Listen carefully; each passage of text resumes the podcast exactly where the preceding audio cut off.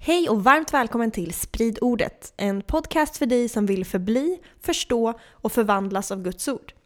Vårt mål är att gräva djupare i Bibeln och att Guds ord ska få spridas i vårt land.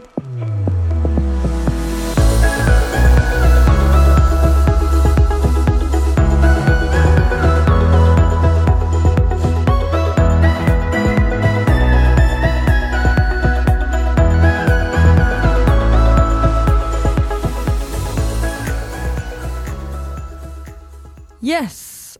Förra gången så kollade vi på hur riket når sin höjdpunkt i och med David och Salomo. Eh, att Israel aldrig hade mått så bra. De var Guds folk på Guds plats och under hans herravälde och hans välsignelse. Det var en helt fantastisk tid. Men eh, sen blev Salomos hjärta bedraget. Han började dyrka främmande gudar. Han gör lite som han själv vill och det går utför. Efter hans död så splittrades riket i två det blir ett nord och ett sydrike. Israel och Juda. I Israel så tar Salomos tjänare över och sätter upp två guldkalvar att tillbe då. En i norr och en i syd för han ville hindra folket från att gå ner till Juda och tillbe Jerusalem vid templet. Ja precis, så det var lite, jag vet inte, han ville göra det politiskt inkorrekt och tillbe i templet i Jerusalem. Ja. Så. så det här var lite recap av förra veckans avsnitt. Nej, inte förra veckan. Förra gångens avsnitt ja, i serien förra gången. Guds rike. Exakt, exakt. Men eh, Nordriket är ju så här supermycket avgudadyrkan. Och jag tänkte att vi, eftersom det vi kör den här recapen för att sen kolla på vad som hände sen, så ska vi bara se hur det, hur det hamnar att eh, Nordriket hamnar i exil då, i fångenskap. Så vi kan läsa lite ur Andra Kungaboken 17 där, hur de blir straffade av eh, Assyriens, rik, Assyriens rike. Då. Yes. Kungen i Assyrien drog upp mot hela landet. Han tågade upp mot Samaria och belägrade det i tre år. I Hoseas nionde regeringsår intog kungen i Assyrien Samaria och förde bort Israel till Assyrien och lät dem bo i Hala och vid floden Habor i Gosan och i Mediens städer. Detta skedde på grund av att Israels barn hade syndat mot Herren sin Gud som hade fört dem ut ur Egyptens land undan faraos, den egyptiske kungens hand och de hade tillbett andra gudar. De hade också levt efter sederna hos det folk som Herren hade fördrivit för Israels barn, men också efter de seder som Israels kungar hade infört. Israels barn hade i hemlighet gjort sådant som inte var rätt mot Gud, mot Herren, sin Gud. De hade byggt sig offerhöjder i alla sina städer, vid väktartornen såväl eh, som i de befästa städerna. De hade rest stoder och aseror åt sig på alla höga kullar och under alla gröna träd. Där hade de på alla offerhöjder tänt offereld på samma sätt som de folk som Herren hade drivit bort för dem. De hade gjort det som var ont och därigenom, därigenom uppväckt Herrens vrede. De hade tjänat eländiga avgudar fastän Herren hade sagt till dem, ni ska inte göra så. Exakt, och sen sänder Gud massa profeter till dem, säger gör inte det här, det kommer gå er illa, men de är hårdnackade och eh, de överger helt enkelt Herren, sin Guds alla bud och gör sig massa avgudar istället. Och det här ser Gud som något väldigt ondskefullt och därför står det att Herren blev vred på Israel, mycket vred och försköt dem från sitt ansikte så att endast Judas stam blev kvar. Så det är lite storyn om Nordriket. Mm. Och Det som händer är att assyrierna, de, de tar dem och de tar dem i fångenskap. Och de är kända för att de när, de, när de tog över riken så var de rädda för att de här folken de tog över skulle göra uppror mot dem. Så det de gjorde var att de eh, blandade sig med folken. De började gifta sig med dem så att det skulle bli som en blandras. Så att då, då tappar de ju sin etniska nationalitet, liksom, judarna. Och, så, och det är då samarier bildas, det här folkslaget samarier som Jesus eh, stöter på i mm. Nya Testamentet med den här kvinnan. Och, det är därför ja. judarna i Nya Testamentet, många av dem ser ner på samarier, för de är liksom inte äkta judar. Typ. Nej. Ja. Det är lite backstoryn, men i Juda går det också utför. Um, det är uh, det är Davids ett där, det är Davids kungaled som regerar. De, de gör det inte superbra. Det är ganska många usla kungar med mycket avgudadyrkan. Eh, men några få väckelser sker. Liksom, så. Eh, som vi pratade om. En under kung Hiskia, en under kung Josia. Och där pratar vi om hur Josia en av Josias präster hittar lagen och sen börjar de läsa den igen och bara upptäcker oj tjena, vi har verkligen inte följt Guds bud. Vi behöver verkligen göra det. Typ. Men under tiden som eh, Nordriket går i fångenskap under assyrierna så är Hiskia kung i Juda. Och Juda var Sydriket. Exakt, Mm. exakt. Och han är ju ganska nervös för att om Nord blev besegrat, då känner han så här, okej, vi vill inte heller bli besegrade. Så först så betalar han då Sanherib, som är kungen i Assyrien, massa guld från templet, eller från Herrens hus. Så. Så deras, är det liksom deras heliga föremål som Ja, han ger Ja, bort? ja, bland annat liksom guldet därifrån. Jag vet inte om det var de hela föremålen, det minns jag inte. Men sen lite senare så kommer ju Assyrien attackera dem ändå. Men då ödmjukar sig Hiskia. Han får liksom panik och säger jag måste be till Herren om hjälp. Och han ödmjukar sig och ber och då kommer Herrens ängel och övernaturligt dräper 185 000 assyriska soldater. Käre tid. Så det, det är så liksom Juda klarar sig. Så det är det bilden är, annars skulle de också blivit helt slaktade. Så det är bara för att kungen ödmjukar sig. Men sen så småningom så längre in så eh, gör de så mycket avgudadyrkan så att de kommer in i, när Babylon blir stormakt, Mm. då tar de dem in i fångenskap. Så. Vad intressant att de går in i avgudadyrkan från dem på samma sätt som de som har, de har drivit bort. Mm. Man tänker då att man ser sina fiender som losers och inte vill ta efter dem. Mm. Det är lite intressant att man gör så, tycker jag i alla fall. Alltså att Israel börjar härma. Ja. Ja. Ja, ja. ja, men det blir så här, man gifter sig med, med sådana från den traditionen och då börjar man anamma den Ja, traditionen det. och sen så bara glider man bort. Mm. Men då är de i alla fall, då är Juda i fångenskap nu och då är det sån smärta, sorgen över det förlorade riket. Mm. Och då ska vi läsa en psalm här som fångar verkligen den här smärtan de har över att vi har förlorat det här landet Gud lovade oss, vi har förlorat det här riket Gud lovade oss. Vad ska det bli av oss? Du? Så vi läser psalm 137 här. Yes, vers 1-4. Vid Babels, floder, där sa- vid Babels floder, där satt vi och grät när vi tänkte på Sion. I pilträden som fanns där hängde vi upp våra, har- våra harpor, ty de som höll oss fångna bad oss sjunga. De som plågade oss bad oss vara glada. Sjung för oss en av Sions sånger. Hur skulle vi kunna sjunga Herrens sång i främmande land? Sad dig. Där känner du smärtan. Ja. Och det är samma sak, Jeremia har ju skrivit en bok som heter Klagovisorna i Bibeln. Där han gråter och sörjer över Jerusalems fall och folkets Mm. fall. Sådär. Så poängen är att guldåldern, det är ett minne blott. Allt är väldigt sorgligt. Alla längtar tillbaks till Guds land. Men det är ju inte slutet på Bibelns berättelse. Da, da. Utan det här kommer vara en språngbräda då för de profetiska orden som kommer komma. Eh, där man tänker att om vi tittar tillbaks på David och Salomos rike och bara yes, det kommer komma något sånt, men ännu bättre. Och det är det jag tänkte vi ska kolla lite på idag. Då. För de tittar tillbaks på dels befrielsen från Egypten Mm. och sen Davids monarki, också Salomos monarki. Och så får de upp hoppet att Gud en dag ska rädda sitt folk igen. För han har ju He lov... will do it again. Exakt. Han har ju lovat David att hans hus skulle bestå för evigt. Just det. Så de står på de profetiska orden från förr. De står på löftena. Mm. Och då tänker man så här att eh, när profeterna började profetera, då började de säga saker som att det här kommer att vara ett ännu mäktigare rike än det vi hade då. Mm. Det kommer vara ännu större. Nya saker aldrig tidigare skådade kommer ske. Den här gången kommer riket vara mer än Israel. Det kommer vara mer än Mellanöstern. Det kommer täcka hela jorden. Och till slut kommer det bli en ny himmel och en ny jord. Mm. Och så här befrielsen från Egypten, det är bara en blek kopia av den befrielse som kommer komma med Messias. Mm. Och Så, visst, då, ja, så de profetiska orden är väldigt viktiga för att hålla hoppet uppe. superviktiga. Och de är maffiga ord. Alltså det är så maffiga ord. Det, du vet, så här, de pratar om typ, ja men visst var det häftigt när Gud bodde mitt ibland oss i tabernaklet och templet. Men de byggnaderna är bara skuggbilder av vad Gud vill komma med framöver. Och det är massa sådana där grejer, att bara Gud har inte glömt sina löften. Och alltså jag gjorde innan den här, vi spelade in den här episoden, så satt jag och skrev upp alla profetiska ord eh, som, som fanns i typ Jesaja och Jeremia och Hesekiel. Och jag bara började se hur lång listan blev över profetiska ord kring det kommande riket. Och jag Mm. bara, oj tjena vad mycket content det här är. Det är omöjligt att få plats det här. Så här. Så nu ska vi läsa upp alla en efter en. Ja, men jag hade typ den planen först. Ja. Jag tänkte bara köra massa bibel, men, men det, är så, det kommer kanske inte göra sig så bra i poddformatet. så, så vi kommer göra en kondenserad version istället, en sammanfattning. Så i Nordriket då, Israel, innan de går i fångenskap, i några decennier innan, då har vi några profeter. Då har vi Amos och Hosea. de profeterar där. De chillar där uppe. De profeterar där. Resten av profeterna vi har i Bibeln, de verkar i Juda, Sydriket. Och då är det Jesaja, Mika och Jeremia som är precis eh, fram till den babyloniska fångenskapen. Och sen har du Hesekiel. De är innan. Mm. Ja. Och Jeremia är också under, alltså Mm. det är både och.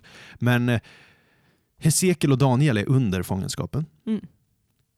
Och Haggai, Sakarja och Malaki är efter återkomsten. När, när de får återvända från Babel så får de komma tillbaks när persiska kungen Koresh eller Kyros tar över babyloniska riket så säger han, ja, men ni får återvända och bygga upp er tempel judar. Mm. Och då är Haggai, Sakarja och Malaki verksamma.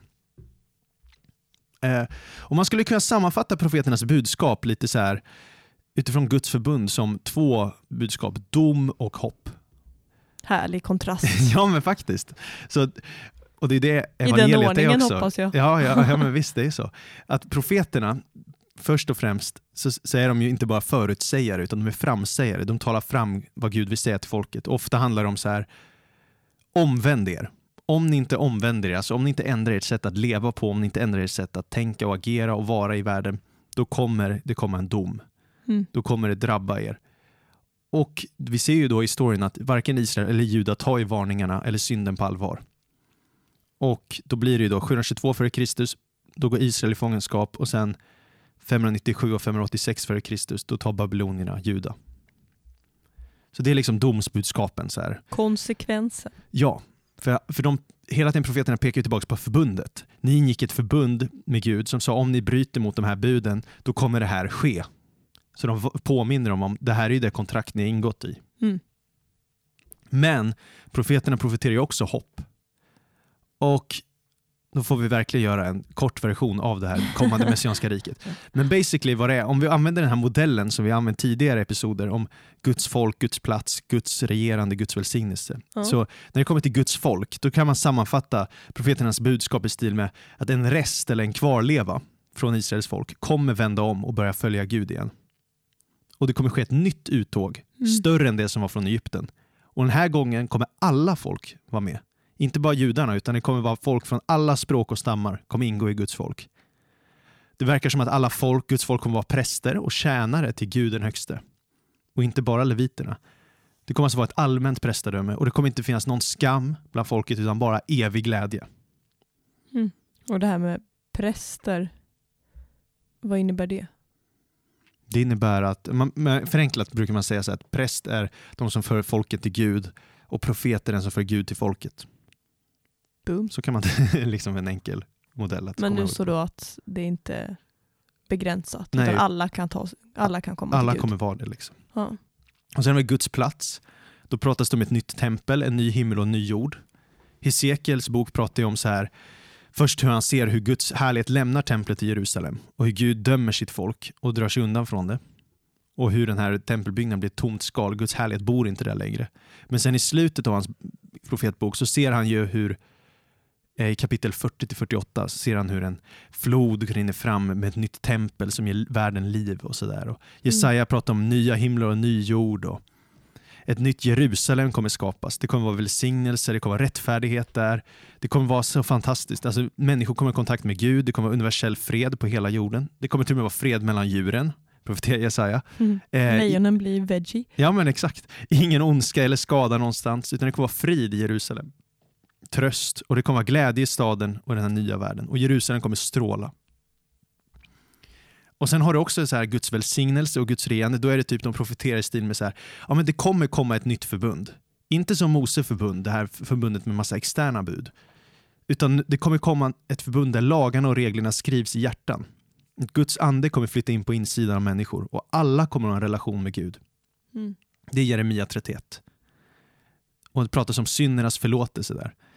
Och Jeremia 31 det profeterar om ett nytt förbund. Och det är därifrån Nya Testamentet får sitt namn, Nya Förbundet. För det är det Gud uppfyller då i och med Jesus. Oh yeah. Och sen pratas det om Guds kung, då, den här kommande Messias. Så han kommer regera i rättfärdighet med fred. Han kommer vara en kung och en präst i Jerusalem. Han, eh, han kommer regera genom det nya förbundet. Och eh, det, han kommer vara Davids son. Han kommer vara från Davids släkt. Och han kommer vara en evig kung över hela världen. Och ingen kommer efterträda honom. Och sen kommer det vara hur liksom inga främlingar kommer styra över dem med förtryck och hårt skattetryck. Utan istället kommer Jerusalem stå fast och Herren kommer vara där och han kommer vara domaren, han kommer vara lagstiftaren, han kommer vara kungen, han kommer vara frälsaren. Ingen kommer vara sjuk under hans styre. Det är ett ganska tydligt eh, tema i profeterna. Alla kommer ha sin synd förlåten. Kungen kommer regera med rättvisa. Han kommer betjäna som Guds tjänare. Han kommer samla alla folk. Han kommer skapa fred på hela jorden. Han kommer ge liv. Blinda kommer se. Förtryckta kommer bli fria. Bundna kommer bli befriade. Det kommer vara beskydd och trygghet. Andlig blindhet och dövhet kommer försvinna. Och de som inte tidigare kunnat förstå eller tala kommer kunna göra det. Så han kommer vara Davids son.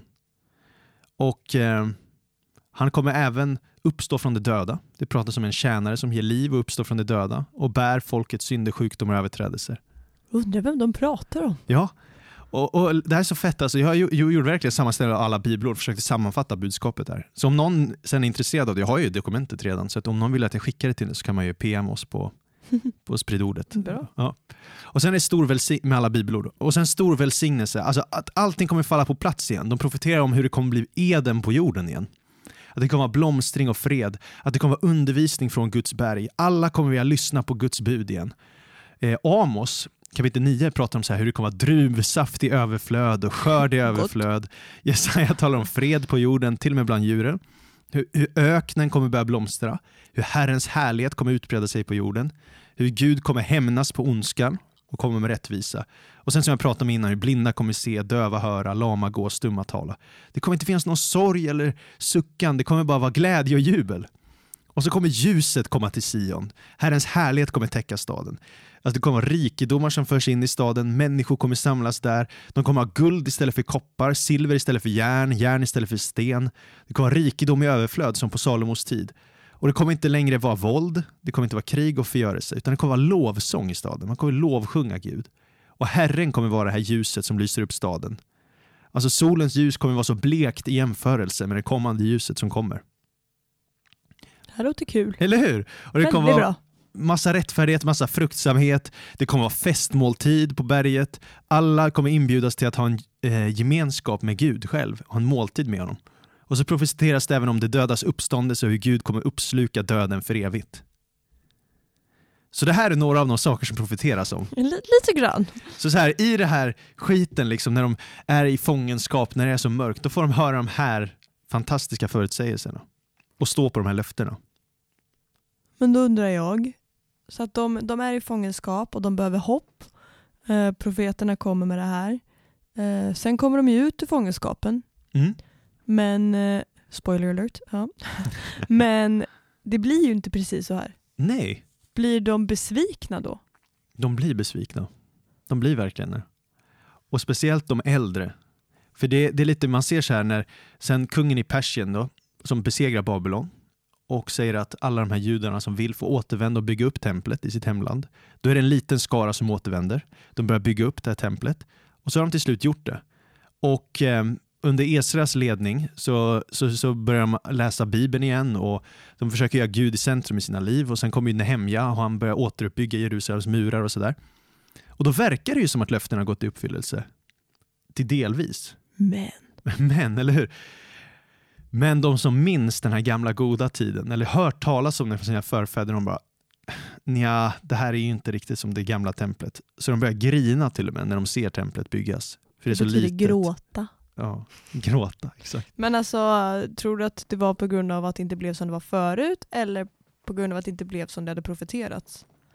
Eh, Eller både och? det kanske är både och va? Ja. Ehm, och, och, och, Det det var upp, bättre förr. ja, men det är uppenbart att det inte är Hesekels tempel som Hesekel profeterar om. Nej. Och det är uppenbart, det kommer också bli uppenbart att folket inte har nya hjärtan. För folket kommer inte lyckas följa Guds lag. De kommer bryta mot buden. Och framförallt har ju inte Messias kommit. Nej. Kungen har inte kommit. Så efter den här fångenskapens ti- tid, då är de ju, det är Haggai, Sakaria och Malaki som profeterar, de är fortfarande i landet. Och då är deras budskap väldigt likt de andra profeterna. När de fortfarande är i vilket land? I Israel. Ja, då, när de har kommit tillbaka? När de kommer tillbaka, sorry. Okej. Mm. Eh, att jag är otydlig. Ja. Men när de kommer tillbaka, då är Haggai, Sakaria och Malaki där och bara säger så här. Vad håller ni på med? Ni bryter fortfarande mot förbundet. Ni bryter fortfarande mot buden. Skärpning. Ja, men så säger de fortfarande att ja, men Gud kommer gripa in en dag och komma till jorden. Och på något sätt så här, hur hebreiska bibeln ramar in det och hur gamla testamentet avslutas, det är i stil med att alltså den he- hebreiska indelningen av Bibeln, Tanak, då, avslut, då är inte sista boken Malaki, utan då är sista boken Andra krönikeboken. Mm. I hur de har utformat bokrullen. Och där avslutas Andra krönikeboken med att babylonska fångenskapen ska snart vara över.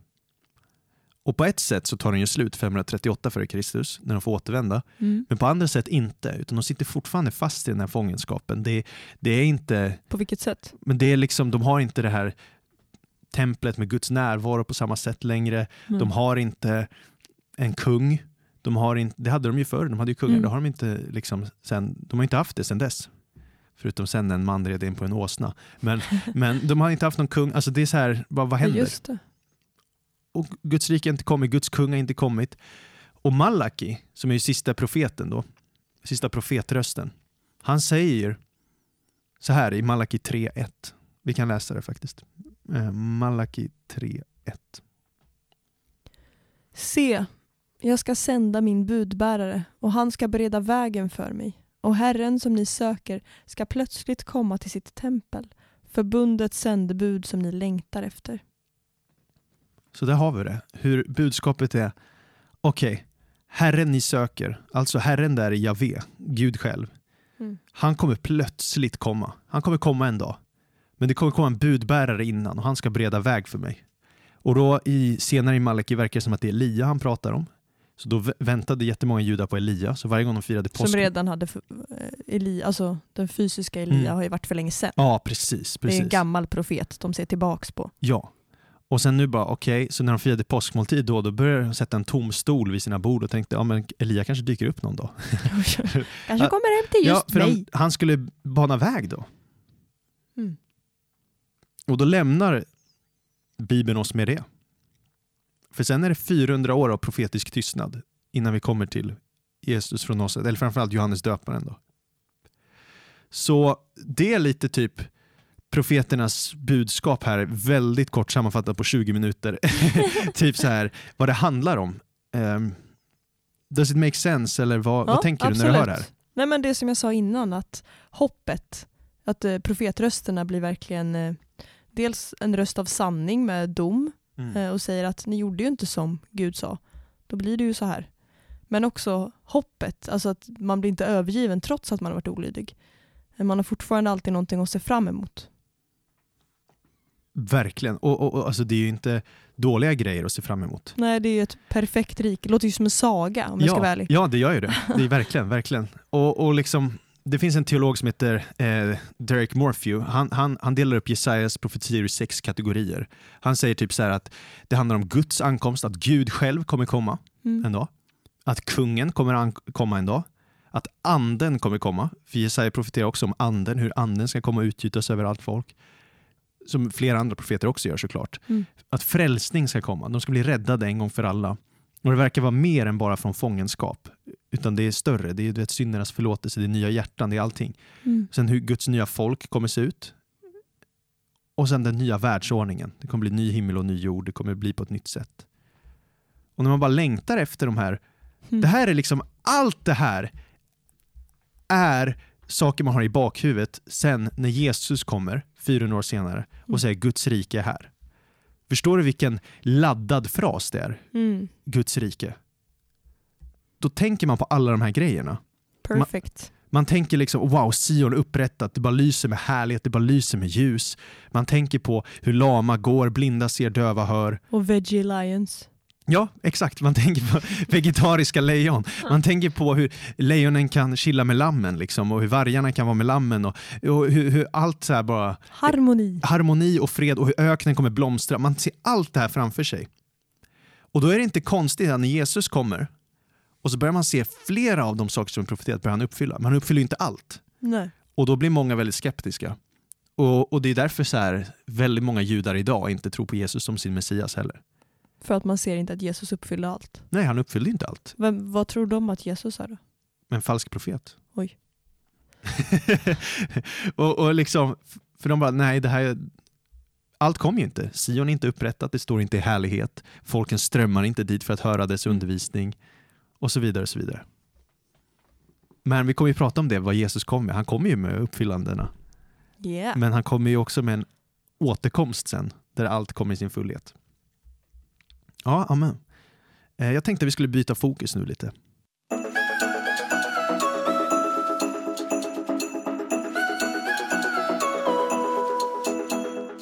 Så, eh, när jag förberedde den här episoden, då, då gick jag och tog en bönepromenad. Härligt. Ja, jag, det, det är gött alltså, jag rekommenderar det verkligen. Eh, alltså jag kände liksom att jag fastnat lite i content-väg. Du vet, jag visste inte vad jag skulle ta upp typ. För jag hade så sjukt mycket, jag har det här dokumentet med alla profetier och så tänkte jag, ja men det är ju rätt powerful att läsa det typ. Vi läser allt rakt Ja, av. och så tänkte jag, nej men det, det är för många sidor. Det, det är så sjukt många sidor, det, det går inte. Det är liksom, jag vet inte om det var 40 sidor eller mer, jag minns inte. Men det var väldigt många sidor. Okej, hur ska jag sålla allt material? Så kände jag bara, jag har kört fast liksom. Så jag tog en promenad i skogen nära där vi bor. Och så sa jag till Gud så här, ja men tala. Och då, då var det inte specifikt kring podden, utan jag bara sa så här, men tala allmänt, vad vill du säga mig? Säg Gud? något är du snäll. Ja. Och jag upplevde att han talade. Och han talade på ett sätt jag absolut inte förväntat mig. För att det jag hörde var som en inre viskning i mig. Det jag bara hörde de här orden. Jag älskar dig. Oh yeah. Och det låter lite krystat, eller hur? Det låter så här, och, jag, och när jag hörde det, jag bara så här. Ja, alltså herre, jag vet att du älskar mig. Jag har liksom inget problem med att tro att du älskar mig, Gud. För jag är fantastisk. Nej, nej, inte därför, men för att jag är verkligen medveten om att han älskar mig. Amen. Och det känns också som, generellt så tjatar kyrkor om det budskapet. I de kretsar jag rört mig i, alla Mm. fall. Så att man, man vet om att Gud älskar en, man hör det i alla fall. Mm. Väldigt ofta. Och då, och då var det som att jag, hela ande sa till mig så här. Ja, du vet om det, men när hade du svårt att tro på min kärlek? Mm. Eller när tidigare i livet behövde du höra att jag älskar dig? Och då innan jag berättar svaret för dig Jenny så tänkte jag fråga dig så här. Vad tror du, när behöver man höra som mest att man är älskad? När har man som mest behov att höra att man är älskad? När man känner sig misslyckad eller när man känner sig ensam är det jag kommer tänka på spontant. Var det rätt svar? Jag vet inte, det finns väl inget rätt svar, jag vet Nej, inte. jag skojar. Men eh, eh, jag skulle säga personligen, när jag började tänka på det, bara, ah, när kände jag mig i mitt liv, typ som, när behöver man höra som mest att man är älskad? Och det, jag skulle säga att det är när man är förkastad, Oh. när man känner sig bortstött. Alltså förkastelse, det har ju visat sig, jag hörde någon säga det här, jag har, jag det är inte... typ ont i hjärtat bara du säger det. Ja, och jag, någon sa det här, eh, jag har inte dubbelkollkällor, men jag har hört att det ska aktivera samma så här nervsystem i hjärnan som fysisk smärta. Att bli förkastad, för det gör så ont. Liksom. Mm. När man är bortstött, när det känns som att ingen vill veta av en. Typ där. Att man gjort fel så man blir utesluten. I de lägena, när man, här, eller, antingen bara när någon förkastar en, eller när man själv har gjort fel Mm. och så får man konsekvenser av det. Då behöver man ju verkligen veta om att man är älskad. Eller hur? Make sense, eller? Ja men det var ju liknande det jag sa också. Precis, och då när jag tänkte på det så här, när jag gick där i skogen, då påminde Herren mig om en stund i mitt liv för flera år sedan. Så här, jag var superledsen, jag, eh, jag kände mig urusel och förkastad. Och jag, jag kände bara djup sorg så här, av så många skäl. Jag kände besvikelse, jag kände frustration, syndfullhet. Jag hade inga ord att yttra. Så ja, jag gick runt där i, sk- i skogen och äh, bad i tungor och grät liksom, och kände mig väldigt, väldigt ledsen. Så här. Eh, Och be i tungor det kommer vi prata om i någon annan episod. Men jag promenerar där i naturen och jag gråter och jag ropar ut till Gud. Liksom så här, varför är det så här? Och, och jag känner mig så hemsk, jag känner mig förkastad. Jag känner mig verkligen så här. Ja. Och då plötsligt, när jag går där och känner mig så ja, oälskad kanske, ja, jag vet inte. Då hörde jag någonting jag aldrig varit med om tidigare i mitt liv. Jag säger inte att det här är normalt eller, eller så. Jag har inte hört det innan eller efter det. Men jag, jag skulle säga att jag hörde Gud tala hörbart. Alltså, det är som att jag hörde en röst Wow. utanför mig. Inte bara som jag pratade om nu när jag gick i skogen och hörde någon inre viskning. Utan Mm. det var, hörde Guds hörbara röst.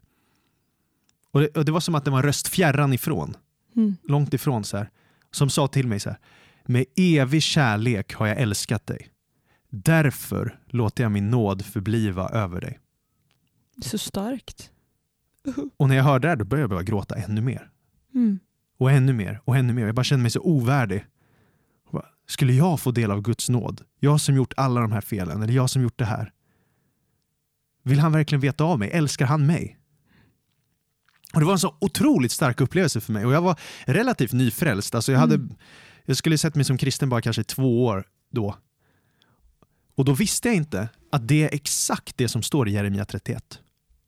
I Jeremia Mm. 31 står det ordagrant så, med evig kärlek har jag älskat dig, därför låter jag min nåd förbliva över dig. Och jag tyckte, Jenny kan du läsa det för oss där, Jeremia 31, vers 3. Ja, det var i princip det du gjorde. men jag det- läser det- hela. Ja, läs hela. Läs hela. Fjärran ifrån uppenbarade sig Herren för mig. Med evig kärlek har jag älskat dig. Därför låter jag min nåd förbliva över dig. Och ser du hur versen börjar? Ja. Fjärran ifrån uppenbarade sig Herren för mig. Mm. Och det var bokstavligt talat det jag upplevde. Jag upplevde så att det var fjärran ifrån, en röst fjärran ifrån. Lät det som om det kom uppifrån? Ja, Mm. ja. men liksom ändå långt ifrån. Långt så. upp. Ja. Och bara med evig kärlek. Ja, Det var, jag upplevde det här Wow. bibelordet på riktigt. Och då, och då så här, det var så starkt. Och då frågade jag mig själv när jag gick där i skolan, okej men Gud, helige Ande, varför påminner du om den här upplevelsen inför det här poddavsnittet? Mm. Vad är grejen? Och då, och då gick jag hem och kollade vad är kontexten i vilken Jeremia ger den här profetian? Jeremia 31.3. Han talar ju till de som blivit förkastade och förskjutna av Herren. Mm. De som precis gått i fångenskap. Mm. De som hamnat i skiten, eller vad, vad man säger så, på grund av sina missgärningar och skulder. Och då talar Gud. Han talar om för dem att de är älskade. I den här momenten där man kanske känner sig som minst älskad. Då talar Gud och säger ni är älskade. Wow. Så jag tänkte att vi ska läsa Jeremia 31 här och, och, och se löftet om upprättelse som Jeremia ger till folket när de är förkastade och vad han ger för löfte om upprättelse. Vi, läs, vi, vi läser från 3, vers 3 till 14. Den är så bra så den kör vi en gång till. Fjärran ifrån uppenbarade sig Herren för mig. Med evig kärlek har jag älskat dig. Därför låter jag min nåd förbliva över dig. Än en gång ska jag upprätta dig så att du blir upprättad, du jungfru Israel. Än en gång ska du ta upp din tamburin och dra ut i dans bland dem som är glada. Än en gång ska du plantera vingårdar på Samariens berg och de som planterar ska själva njuta av frukten. Ty en dag kommer då, kommer då väktare att ropa på Efraims berg. Kom, låt oss dra upp till Sion, upp till Herren vår Gud. Ty så säger Herren, jubla i glädje över Jakob, höj fröjderop över honom, som är de, över honom som är den främste bland folken. Brist ut i lovsång och säg, fräls Herre ditt folk, de som finns kvar av Israel. Se, jag ska föra dem från landet i norr och samla dem från jordens yttersta hörn. Eh, bland dem både blinda och halta, både havande kvinnor och barnaföderskor. I en stor skara ska de komma tillbaka hit. Gråtande ska de komma, men jag ska leda dem där de går bedjande fram. Jag ska föra dem till vattenbäckar, ty, äh, på en jämn väg där de inte ska stappla. Ty jag är en fader för Israel och Efraim är min förstfödde son. Hör Herrens ord, ni hedna folk, och förkunna det i kustländerna i fjärran. Säg, han som skingrade Israel ska också samla det och bevara det som en herde bevarar sin jord. Ty Herren ska befria Jakob och friköpa honom från den som är starkare än han. De ska komma och jubla på Sions höjd och strömma likt en flod till Herrens goda, till säd, vin och olja och till unga får och oxar. Deras själ ska vara som en vattenrik trädgård och de ska inte sörja mer. Då ska unga kvinnor dansa och vara glada. Unga och gamla ska glädja sig tillsammans. Jag ska förvandla deras sorg till glädje och trösta dem och glädja dem efter deras bedrövelse. Prästerna ska jag mätta med utsökta rätter och mitt folk ska mättas av mitt goda, säger Herren. Amen. Det är alltså, de har blivit förkastade, de har gjort saker fel, men Gud säger Hej, jag älskar er fortfarande. Jag kommer upprätta dig i Israel. Du kommer få glädjas igen, du kommer få dansa, du kommer få plantera vingårdar, du kommer få dra upp till Sion igen, det kommer vara glädjerop där. När det ser som mörkast ut han, jag kommer samla er alla. Ni kommer komma gråtandes, men jag kommer leda er när ni går bedandes fram. Jag kommer göra allt det här. Jag kommer friköpa er från de som är starkare än er och era själar kommer vara som vattenrika trädgårdar. Ni kommer Mm. bara massa glädje och ni kommer vara måltid och fest och allting. Så när folket är i fångenskap, när det är allt det här, löftena har gått i kras, de är förkastade, de mår dåligt, de känner sig usla, då talar Gud. Och då säger han, Kom hem, vi börjar om igen. oj, oj, oj, oj. Förlåt, det spårar ur. Nej, men poängen är här verkligen att varför gör Gud allt det här? Varför ger han dem löftet om upprättelse? Det är för att han älskar. Han älskar dem. Så om någon tror att Gamla Testamentets Gud inte är en Gud av kärlek, då tror man fel. Helt fel. Boom. Det är samma Gud i de sista 27 böckerna av Bibeln, Nya Testamentet, som de första 39 böckerna. Mm. Exakt samma Gud. Samma kärlekens Gud. Samma Gud som vill rädda, frälsa och upprätta. Som älskar med en evig kärlek. Och En annan profet, förutom Jeremia, då, som profeterar om det här och, eh, är Hosea. Hosea pratar om innan de gått in i fångenskap och sen så när de kommer gå in i fångenskap och komma tillbaks pratar han om det. Och Hosea, han, han verkade under en kaotisk tid som är före, före fallet då, av Nordriket. Mm. Och det här är en tid som är präglad av mycket moraliskt förfall. Det är liksom religiös synkretism, alltså att man blandar religioner. Och det är stor politisk oro. Låter som nu. låter som nu. Och man tänkte att man kunde ha flera gudar. Och Låter liksom, som nu. Det låter som nu. En, en modern version skulle också kunna vara men lite av Jesus, lite av världen. Så de hade, Mix and match. mix and match. Så de hade bytt ut liksom, troheten mot sitt arv och sin relation mot, med Gud mot hednisk tillbedjan. Så liksom, på Hoseas tid då var det utbredd sexuell omoral, social orättvisa, våldsamma brott, religiöst hyckleri, politisk instabilitet, självisk arrogans, andlig otacksamhet. Och sen så kommer ju då, några år efter Hoseas budskap, så kommer ju Guds dom då. Så man skulle kunna sammanfatta Hoseas budskap med så här. Gud lider när folk är otrogna mot honom. Mm. Gud kan inte ha överseende med synden. Men Gud kommer aldrig sluta att älska sina egna. Och han kommer försöka vinna tillbaka de som övergett honom. Vackert. Jättevackert. Så det här är ju de här profeterna som pratar om, ja, men det kommer komma ett upprättat rike men just nu lever ni verkligen i, i djup synd. Så Hosea, och det, det är en otroligt stark profetbok. Mm. Hur inleds Hosea bok? Minns du? Nej, jag Nej. minns inte. Det, det börjar med, det för, men du, vet ju, du minns ju vad det handlar om, det vet jag att du gör. Men det börjar ju med att han säger gå och gift dig med en prostituerad. Just det, där har vi det. Gomer. Gomer.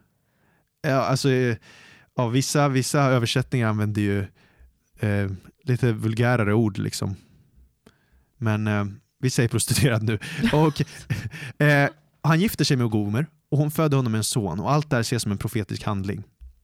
För tanken är att Hoseas liv ska bli en profetisk modell på Guds relation med sitt folk. Och Gud, poängen är att Gud säger då att jag är gift med en, en, eh, En prostituerad. en sköka, säger han så. Mm. Ja, någon som, som är otrogen. Mm. En otrogen kvinna är jag gift med. Och hon sviker honom gång på gång igen. Och till slut så går, eh, lämnar Gomer Hosea och går tillbaka till en livsstil av prostitution helt. Så trots att han har redan räddat henne en gång från ett liv av prostitution går hon tillbaka dit. Men Hosea ger inte upp på henne. Hon är borta från honom men han älskar henne fortfarande. Och då säger Herren till Hosea Gå och älska din hustru igen fast hon älskas av en annan och har begått äktenskapsbrott. Älska henne som jag, Herren, älskar Israels barn fastän de vänder sig till andra gudar och älskar druvkakor. Druvkakor. Ja, det är en symbol på avgudadyrkan. Och då står det så här, och jag köpte henne åt mig och gav henne 15 siklar silver och en homer och en letekkorn. I alla fall, poängen är att Hosea, Så hemskt. ja, Hosea köper loss sin fru. Han friköper sin egen fru. Han betalar priset av en slav, liksom priset för en slav, för att sätta henne fri. Hon som redan är hans. Han är ju Mm. redan, hon tillhör ju redan honom. Mm. Men han betalar priset för att få vara med henne. Han ser henne där på marknaden och hans kärlek bara driver honom till att sätta henne fri. Och Det här är då bilden på Israel. Gud säger att jag har räddat er undan ett liv av avgudadyrkan. Jag har infört er en underbar relation med mig. Men ni fortsätter vara otrogna. Ni fortsätter dyrka andra gudar. Och till slut så kommer vi separeras ifrån varandra. Ni kommer gå i fångenskap för ni vill bara vara med de här gudarna. Så ni kommer dra då till ett land där man bara dyrkar andra gudar. Men Gud kommer köpa dem fria en dag, för han älskar dem. Fast de älskar andra gudar så är hans kärlek så stor. Mm. Det är väl det här som på något sätt är hela evangeliet. Alltså sveket. Mm. Att mänskligheten verkligen har svikit Gud. och om man, har, ja, om man nu vill använda bilden otrogen, Mm. Ta, satt annan, någon annan först eller några andra före. Ja. Men att Gud bara fortsätter älska, alltså det är ju så vackert. Det är så vackert. Det är jättestarkt där. Men jag tycker synd om Hosea som behövde leva den här profetian IRL. Ja, ja visst, visst. Och samtidigt får han ju älska och föra henne tillbaks till sig. Mm. Eh, och Hosea talar mycket om så här, ja, men eftersom Israel ägnat sig så mycket åt Bal och Balsdyrkan, Alltså en avgud. ja, en avgud precis, och följer efter sina älskare, men glömmer Herren, då kommer jag föra ut henne i öknen. Pratas, pratas om i kapitel 2. Eh, och jag kommer föra henne bort därifrån. Men eh, sen kommer det komma en dag då hon kommer komma tillbaks till mig. Då. Och eh, då profeterar Hosea här om det, att Israel kommer komma tillbaks till Herren också efter de har försvunnit en tid från honom. Och då kommer de komma tillbaks till Israel, till sitt land. Och då är det återigen en profetia om det messianska riket, hur det inte kommer vara någon mer krig, utan det kommer vara fred. Och de Mm. kommer bo i landet igen med rättfärdighet och frid och fruktsamhet. Så vi läser det i Hosea 2, vers 18-23. På den dagen ska jag för deras räkning sluta ett förbund med djuren på marken, med fåglarna under himlen och med kräldjuren på jorden. Båge och svärd och vad som hör till kriget ska jag bryta sönder och skaffa bort ur landet och låta dem bo i trygghet. Jag ska trolova dig med mig för evig tid. Ja, jag ska trolova dig med mig i rättfärdighet och rätt, i kärlek och barmhärtighet. Jag ska trolova dig med mig i trohet och du ska så känna Herren.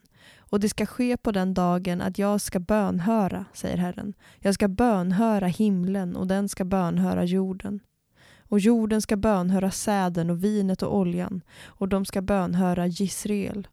Jag ska plantera henne åt mig i landet. Jag ska förbarma mig över Lo-Ruhama och säga till Lo-Ami, du är mitt folk och de ska svara, du är min Gud. Så här läste vi nu löftet om upprättelse. Vi läste alltså om Mm.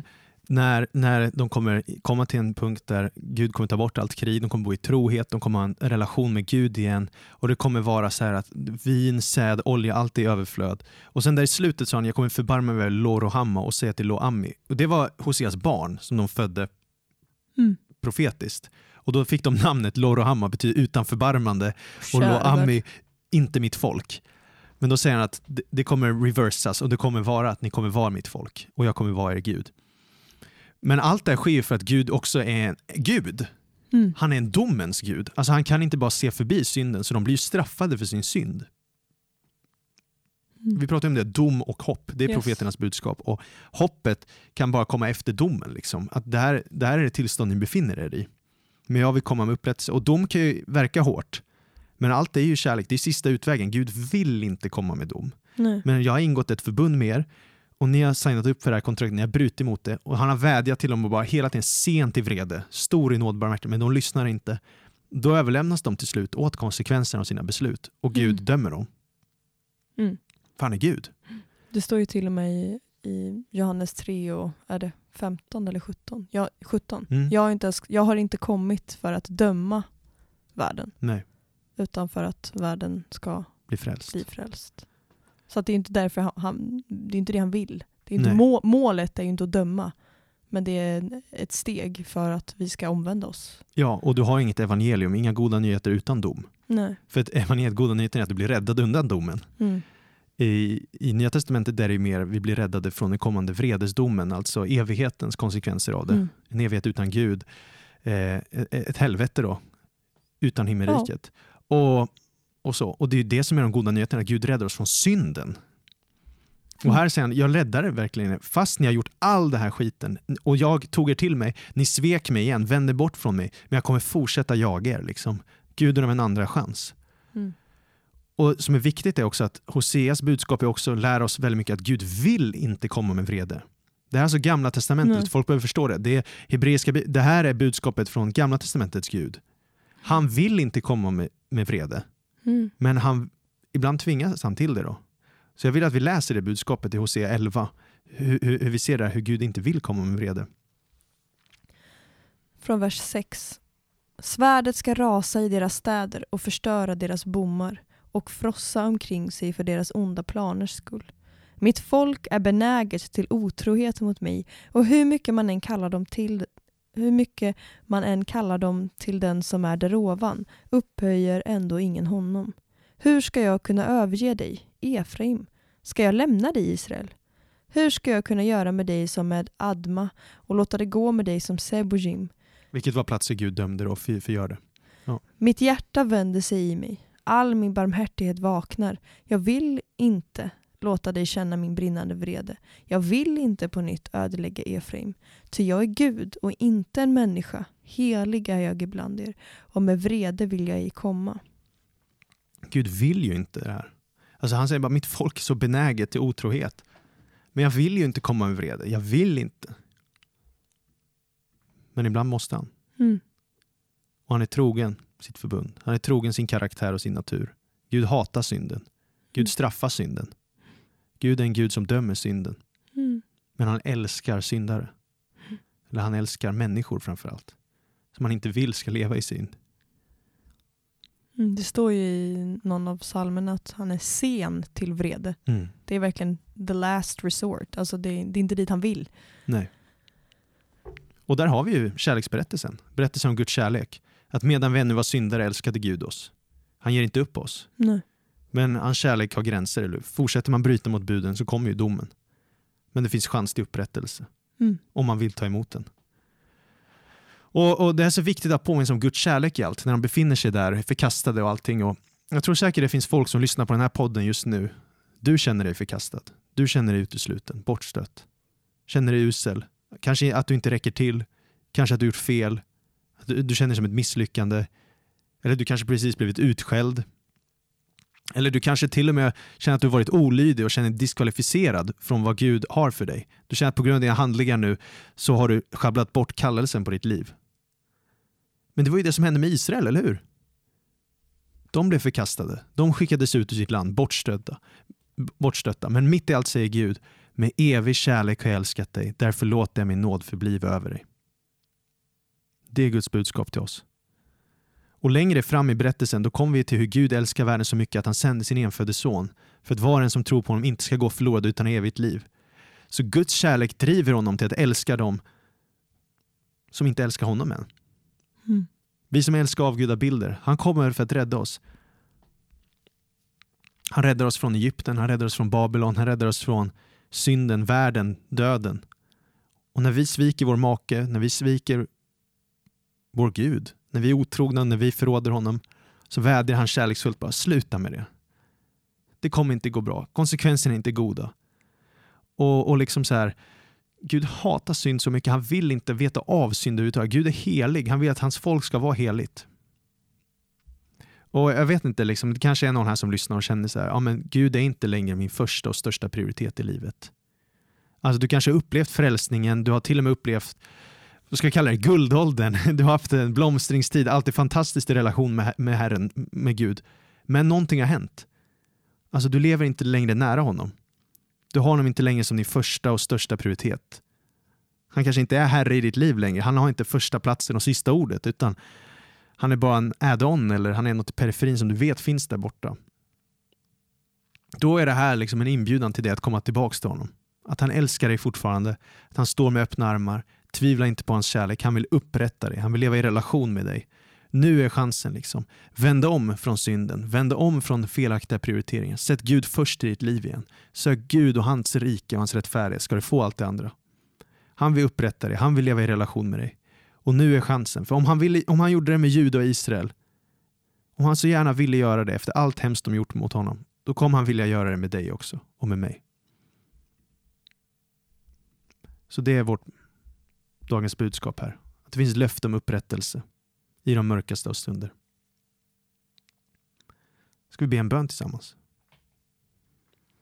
Mm, tack Jesus för din otroliga eviga kärlek. Tack för att den, den räcker och blir över Gud. Tack för nåden att få komma till dig även när vi har gjort fel. Tack för att du bara längtar och längtar. Du ser inte på oss eh, med liksom den besvikelsen utan med längtan och en sorg när vi vänder oss bort, Herre. Så jag tackar dig Gud för den, den glädje som du har över oss var och en, Herre. Att du, du verkligen söker efter oss och du vill verkligen bara dra oss till dig. Och jag ber för var och en som lyssnar nu som känner sig långt bort från dig. Som eh, kanske känner, inte känner sig värdig av din kärlek Gud. Jag ber för var och en att de skulle få ta emot din kärlek idag. I Jesu namn. I Jesu namn Herre. Och vi ber också Gud att eh, alla de här profetiska orden du talat om bland eh, forna profeter skulle gå i uppfyllelse. Tack att ditt rike kommer upprättas här på jorden en dag. Låt det ske Herre. Och jag ber för var och en av oss här att vi skulle få, alla som lyssnar på det här, att vi alla skulle kunna leva för dig Herre och alltid sätta dig först i våra liv. Att vi skulle vara trogna dig Herre, för du är den bästa Herre. Hjälp oss att vända bort från synden, inte ägna oss åt att synd Herre. Lägga bort all, all form av omoral Herre. Små synder och stora synder. Du hatar dem allihop. Och jag tackar att du har sagt att om vi säger att vi inte har synd bedrar vi oss själva och sanningen finns inte i oss. Men om vi bekänner våra synder är du trofast och rättfärdig och förlåter oss våra synder och renar oss från all orättfärdighet. Så vi tackar dig för det. Tack att nu är den rätta tiden. Idag är frälsningens dag. Tack för löftet om upprättelse. Låt din vilja ske i våra liv. Amen.